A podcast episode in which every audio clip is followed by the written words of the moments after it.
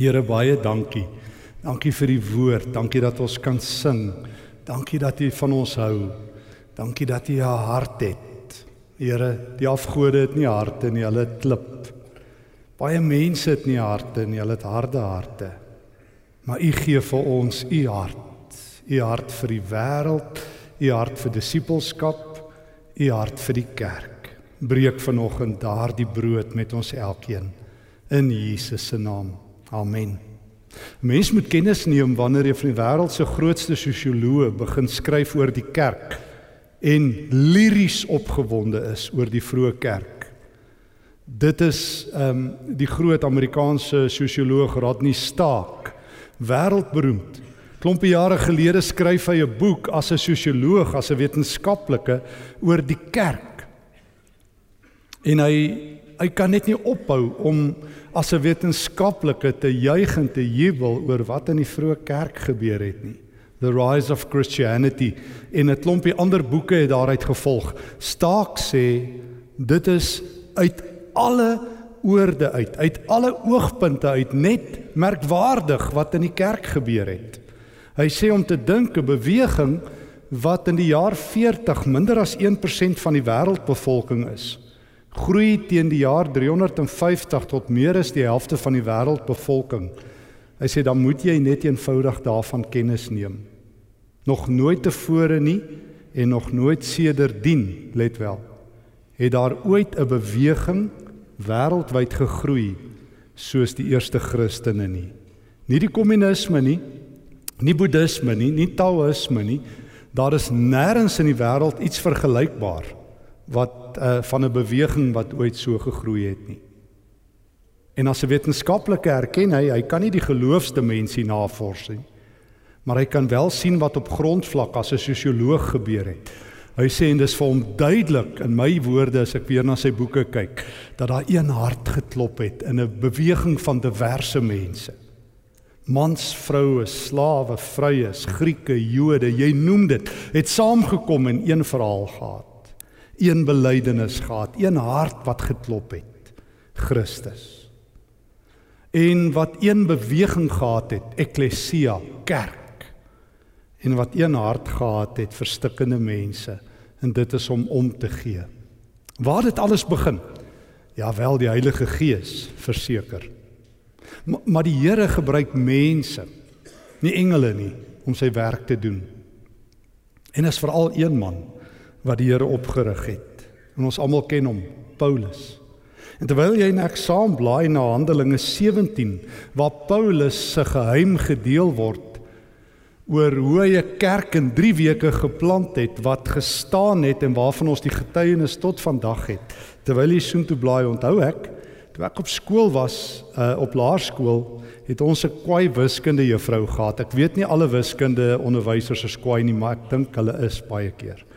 Ek dink ons juffrou se naam was juffrou Rottemeier, as ek reg onthou. En sy het vir ons gesê as sy in die nag by jou kom en sy maak jou wakker en sy sê hoeveel is 5 maal 5, dan gaan daar moeilikheid wees as jy nie weet nie. Ek weet tot vandag 5 maal 5 is 30. Ek het dit geleer. Skus ek kom van die Oosrand af, daar is dit. Feite is ek was bang vir haar want sy het dit in ons ingedrul. En toe vra ek myself af toe ek Handelinge 17 lees. Dit het my nog altyd gefassineer. Wat maak dat jy 'n kerk in 3 weke kan plant? Wat jy van die modelkerke van die vroeë kerk is. Ja, ons almal onthou die Jerusalem gemeente, die besbewaarde geheim van die Nuwe Testament, is die Macedoniese kerke. Dis die gemeentes in die Romeinse provinsie Macedonië waar Tessalonika ook is en Filippi. Dis die gemeentes wat groei en groei en groei. Wat het Paulus gepreek in 3 weke? Want ons gaan nou sien hy was net vir 3 sabbate daar toe moes hy vlug. 3 weke met ander woorde. Kom ons kyk Handelinge 17 vers 1. Paulus hulle deur uh, Amphipolis en Apollonie na Tessalonika toe gereis waar daar 'n Joodse sinagoge was. Soos dit Paulus se gewoonte was, het hy gegaan en hier hoor ons dit op 3 Sabbatdae na mekaar uit die skrif met die Jode geredeneer. Hy het die skrif uitgelê en daaruit aangetoon dat die Christus moes ly en uit die dood moes opstaan. Hierdie Jesus wat ek aan julle verkondig, het hy gesê, hy is die Christus. Party van die Jode het oortuig geraak en by Paulus en Silas aangesluit. 'n Groot aantal godvreesende Grieke en 'n aantal uh, vooraanstaande vroue het ook nog bygekom. Maar die Jode was hieroor afgunstig en het met die hulp van 'n klomp nikswerd leegleiers 'n betoging op tou gesit wat die stad in oproer gebring het. Hulle het na Jason se huis toe opgeruk en wou vir Paulus en Silas hê om hulle voor die volk te bring. Toe die Jode hulle nie kry nie, sleep hulle vir Jason en 'n paar gelowiges na die stadsbestuur en skreeu: "Dit is die mense wat die hele wêreld in beroering bring." Ehm um, hulle is nou hier in ons stad.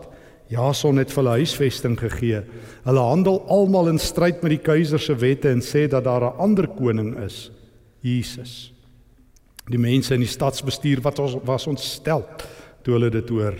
Maar nadat hulle van Jason en die ander gelowiges die nodige waarborg gekry het, uh, is hulle losgelaat en lees toe moes Paulus hulle vlug. Wat doen jy as jy 3 weke het? Wat preek jy? Hoe kry jy een hart? God se hart in een stad met 'n diverse uiteenlopende klomp mense. O, ons sien dit Handelinge 17 vers 3. Paulus het 'n eenvoudige boodskap gehad. Hy het 'n eenvoudige woord gepreek. Jesus is die Here. Nou gaan ek gou vir jou Grieks leer. Almal wil altyd Hebreëse name ken. Dit bly altyd vir my verstommend as mense God se name ken, dan wil hulle altyd Hebreëus ken. Grieks is God se nuwe taal. Kom ons gradeer op. So, hier's die kans. En almal ken net altyd God se Ou Testamentiese name as hulle dit aanhaal. Ek's verstom.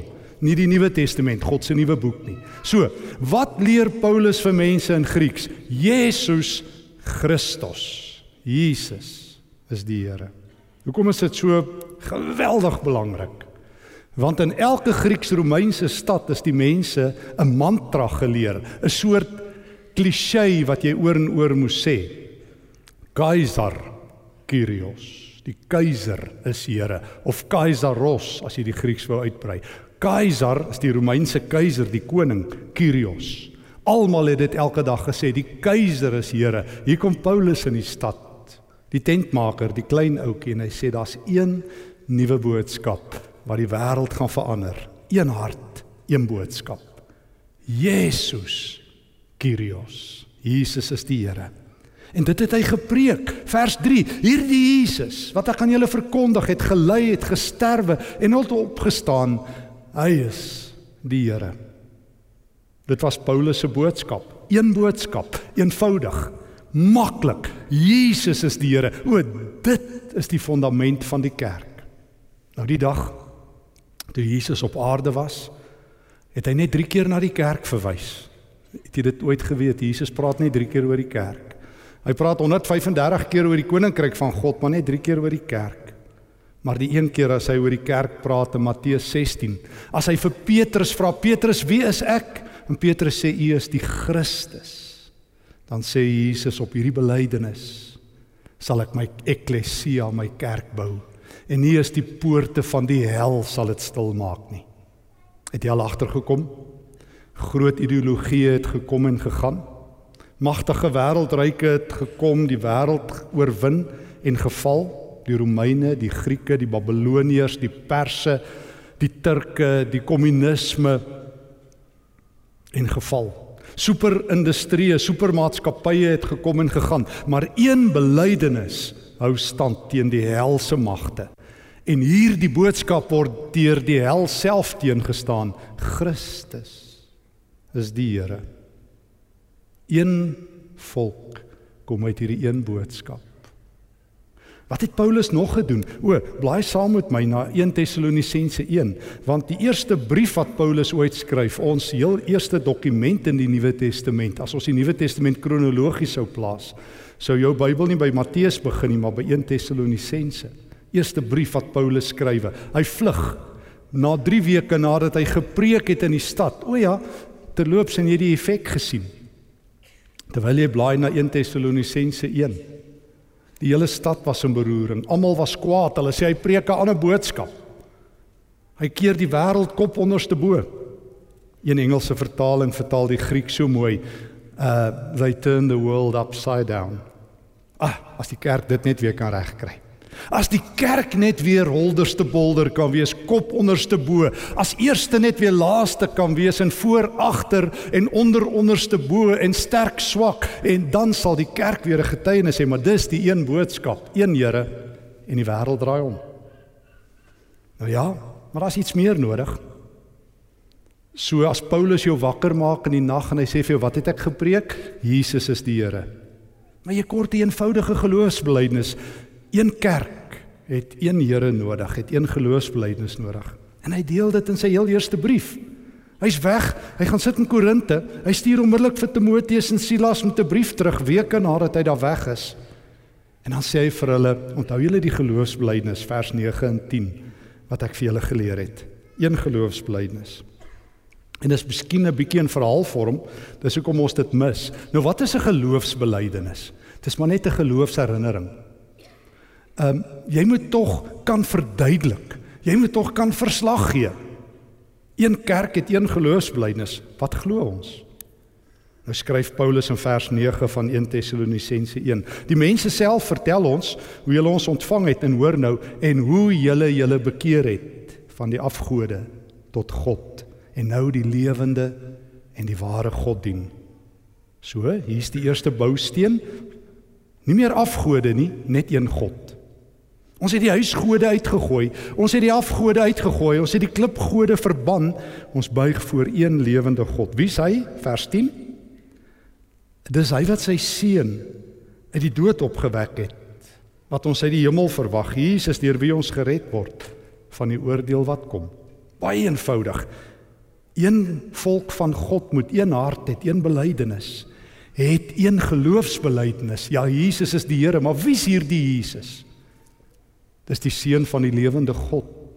Dis hy wat ons by die kruis gered het. Dis hy wat ons by die eindoordeel van die oordeel sal red.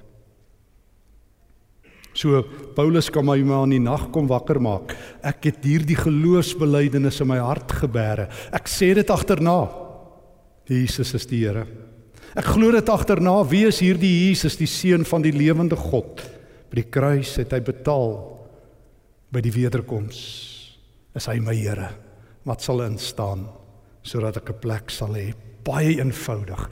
Baie eenvoudig. Wat het die vroeë kerk magneties gemaak? Wat het hierdie een volk een hart gegee? O, jy kan nie anders nie. Een belydenis, een geloofsbelydenis. Maar hierdie een volk van God het een manier van leef gehad wat magneties mooi was, wat deur hulle hart gesuiwer het en afgegee het op hulle liggaam, op hulle vingerafdrukke, op hulle lippe, op hulle tonge, op hulle gedagtes, op hulle dade. Paulus het dit vir die mense geleer. Nee, hy was nie juffrou Rottemeier nie, maar as jy 3 weke in 'n gemeente is, dan brul jy vir mense in Jesus is die Here. Wie is hierdie Jesus? O, hy is die seun van die lewende God. Hoekom is hy belangrik? By die kruis het hy betaal, by die wederkoms gaan hy my syne maak omdat hy my gekoop het. Gaan hy my red van die oordeel. En hoe moet ek lewe? Want geloof het Paulus baie gou vir mense geleer. Is nie 'n versekeringspolis na gaan jy aan met jou lewe nie. Dis nie asof Jesus betaal vir jou sondes, nou kan jy maar lewe soos jy wil nie. O nee, Christen het 'n nuwe manier van leef. En dit het hy vir hulle ingedrul 1 Tessalonisense 1 vers 3 en 4. Vers 2. Ons dank God altyd vir julle almal wanneer ons in ons gebede aan julle dink. Sonder ophou bring ons voor God ons Vader in herinnering. Kyk nou, wat het hy vir hulle geleer? Die werk van julle geloof, die inspanning van julle liefde en die volharding van julle hoop op ons Here Jesus Christus. Wat hoor jy? Kom ek lees dit weer. Die werk van julle geloof, inspanning van julle liefde, volharding van julle hoop. Jy ken dit uit 1 Korintiërs 13. Geloof, hoop en liefde. Dis wat hy vir gemeentes geleer het. Dis nie net 'n troupreek, hy het nie 1 Korintiërs 13 geskryf en gesê eendag as mense wil trou, hier's 'n lekker troupreek nie. Dis die hart van die kerk. Dis die een kerk met een boodskap, een hart vir Christus, een geloofsbelijdenis, een manier van leef geloof en hoop en liefde.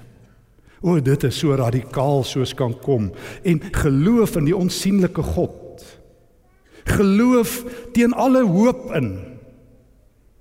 Geloof om te sê alles ek die enigste ou wat dit glo, Jesus is die Here.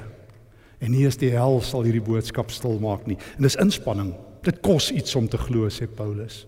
Dit vat guts. Jy sal jou hakke moet inskop. Jy sal die wapenrusting van Efesiërs 6 moet aantrek. Jy sal jou woord moet doen. Geloof, jy moet dit glo elke dag. En jy's in 'n nuwe Christelike wêreld, meneer en mevrou, so sê Paulus vir die Tessalonisense, dit gaan jou kos. Dit gaan dalk jou lewe kos. Maar jy gaan dit sê tot die einde toe. En die kerk sal nie stil gemaak word solank die kerk se werk is om geloof te bely en te beleef nie. Geloof, maar liefde. In Johannes 13 het Jesus gesê 'n nuwe gebod gee ek julle. Julle moet mekaar lief hê. O, julle sal die wêreld sal my ken as julle mekaar liefhet. O, die wêreld sal my ken as liefde wen. Ja, dit is maklik om God lief te hê. Dit is nie so maklik om jou naaste lief te hê nie.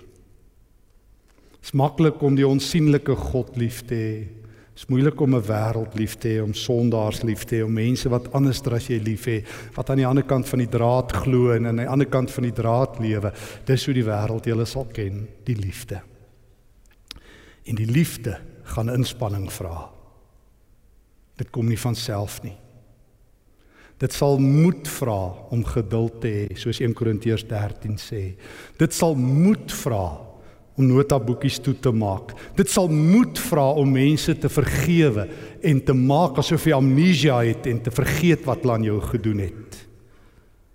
Dit sal Jesus se hart vra. O, die kerk wat Jesus se hart het, die een belydenis het Jesus is die Here, die een geloofsbelydenis het. Hy het opgestaan uit die dood en die een manier van leef het, naamlik ons het geloof en hoop en liefde.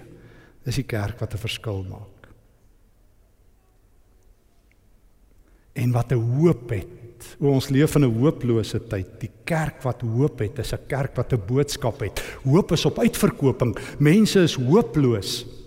Mense sit op moedverloorse vlakte. Hulle het afgetree en uitgetree. Hulle kan nie meer glo nie. Die lewe word hard en hulle verloor hulle geloof. Jesus het gewaarsku Markus 13. Uh, Matteus 13. Dat mense hulle geloof sal verloor as dit swaar gaan, maar as om hoop te hê en stroom op te hoop. En daar's nog iets wat Paulus vir die kerk geleer het Galasiërs 3. Hy het vir die kerk oor en oor geleer dat die kerk 'n verskeidenheid is wat in 'n nuwe eenheid saamgekom het. Hy skryf in Galasiërs 3 vers 28 sy grootste mees vergete teks ooit in die kerk, Galasiërs 3:28. Dit maak nie meer saak of iemand 'n Jood of 'n Griek, of slaaf of vry, man of vrou is nie. In Christus Jesus is julle almal een. Oor die vroeë kerk was 'n mengelmoes van kulture. Ons kom almal uit 'n wêreld uit en ek bedoel mense noem dit apartheid waar aparte groepe apart is. Dis nie net in Suid-Afrika nie, dis maar hoe dit is. By die braaivleis staan die mans bymekaar, het jy al gesien? En die vrouens sit daar en en kinders is by kinders. Ons het gehoor kinders word gesien en nie gehoor nie. So het ek groot geword. My ma het gesê ons tel groot mense se tande in die geselskap. Jesus, ek wou nooit, maar my ma het gedink ons doen. Ek wil nooit in daai oom se tande kyk en pas skeef van al, maar dis 'n ander storie. Maar maar feite is ons is maar so groot geword, soort soek soort en groep soek groep en eners denkende soek eners denkendes. En hier kom Jesus en hy sê ek het 'n nuwe volk wêreldwyd. Nee, dit gaan nie meer bepaal word deur jou taal nie en deur jou etnisiteit nie of jy die Jode bymekaar is en die Grieke nie. Druk my nou die dag toe ek 'n Amerikaanse boek lees, The most segregated hour in the church, ag in America, is the one hour in church on a Sunday dalk in Suid-Afrika nog erger.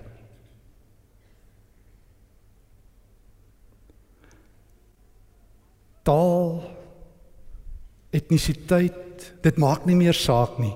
Dit tref my nou die dag toe ek um, in die beelde rubriek wat ek het toe ek verlede week skrywe toe ek die verhaal raakloop van 'n vrou wat my vertel of iemand wat my vertel elders van haar tuinjong wat vir haar iets gesê het en ek sê vir haar vrou wat vir 'n ding is 'n tuinjong Sy sê nee dis die ou wat in my tuin werk. Ek sê o 'n tuinier bedoel jy? Sy hoekom gebruik jy so 'n woord? Ek sê jy jy is jy in die kerk. Ja sê sy. Ek sê maar Christene kan nie meer sulke taal gebruik nie Want dit word net gebruik vir mense van 'n ander kleur as ek dit nie mis het nie. Ek sê of of of is ek verkeerd? Um, ek het nog nooit gehoor dat wit mense wit mense tuinjongens noem nie of bediendes noem nie. Um iemand wat in my huis werk is altyd iemand van 'n ander kleur. So daai terme val as jy 'n Christen is. Jy kan kyk hoe jy jou taal gebruik want in die kerk is daar nie meer Jood en Griek nie. Mense is kleurblind. O, daar bestaan nog kleur, maar dit maak nie vir Jesus saak nie. Kerk is een. Een volk, een nuwe volk uit elke stam, taal en volk en nasie soos Openbaring 5 sê. Daar is dit ook nie meer slaaf of vry nie. Jou status maak nie meer saak. Helfte van die Romeinse ryk was slawe. Paulus sê dit tel nie meer nie. Die vroeë kerk het jy gesien dat slawe by die mense kom sit.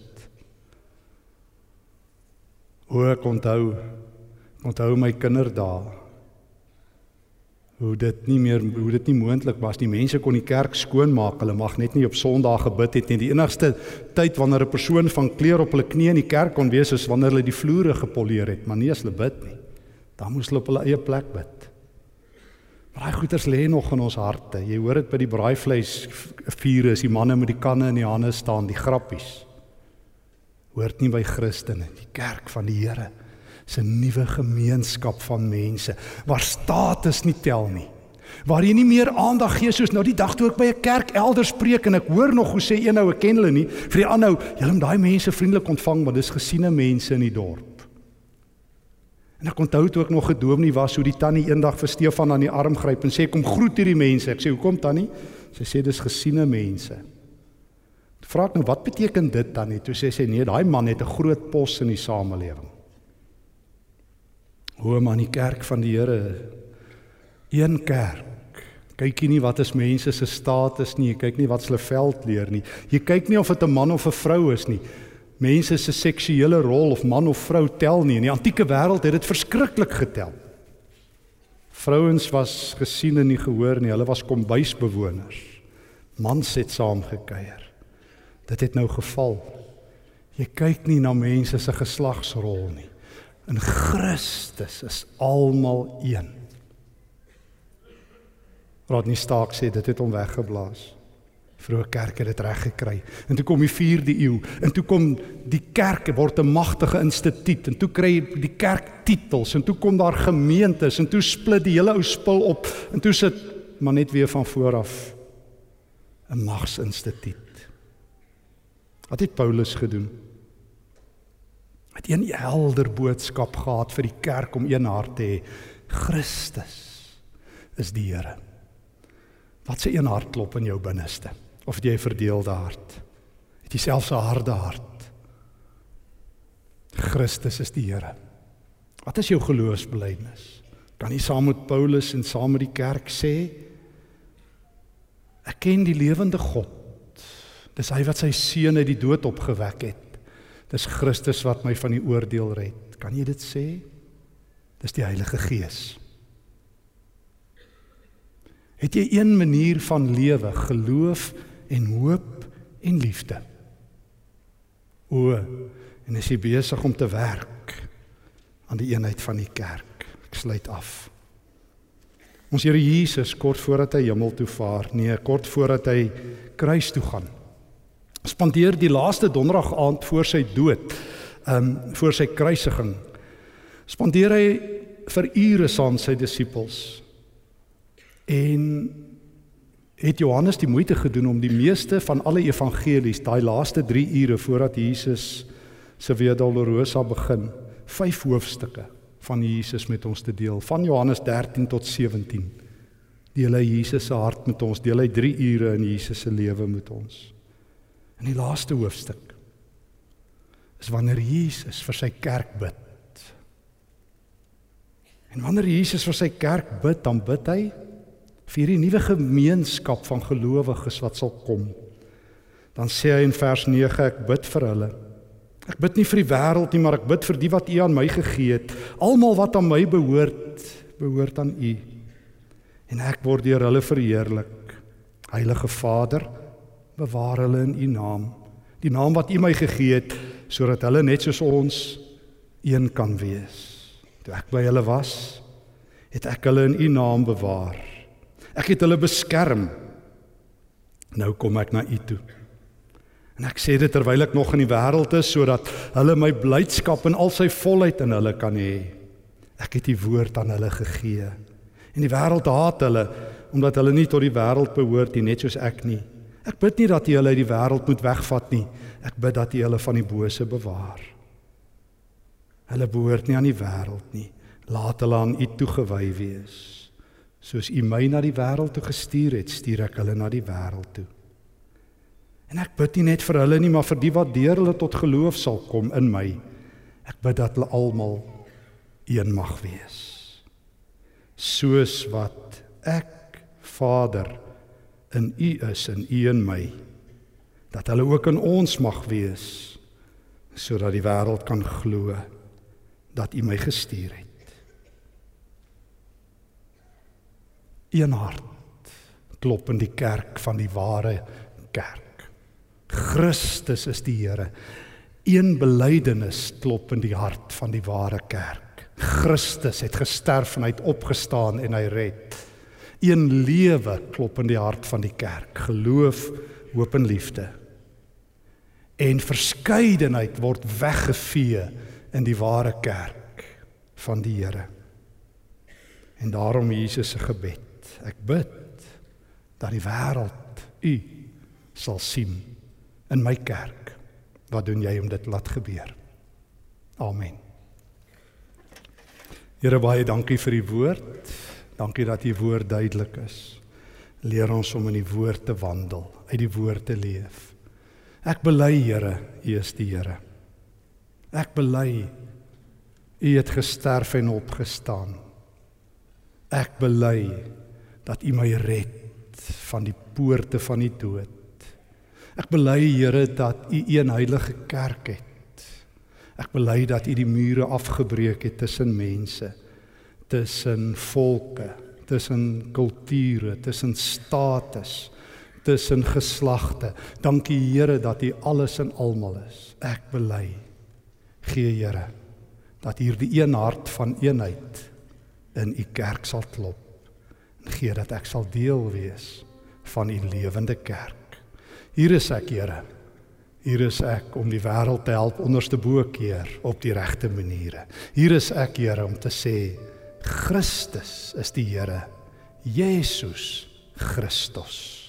Dit is my belydenis saam met u ware kerk. Amen.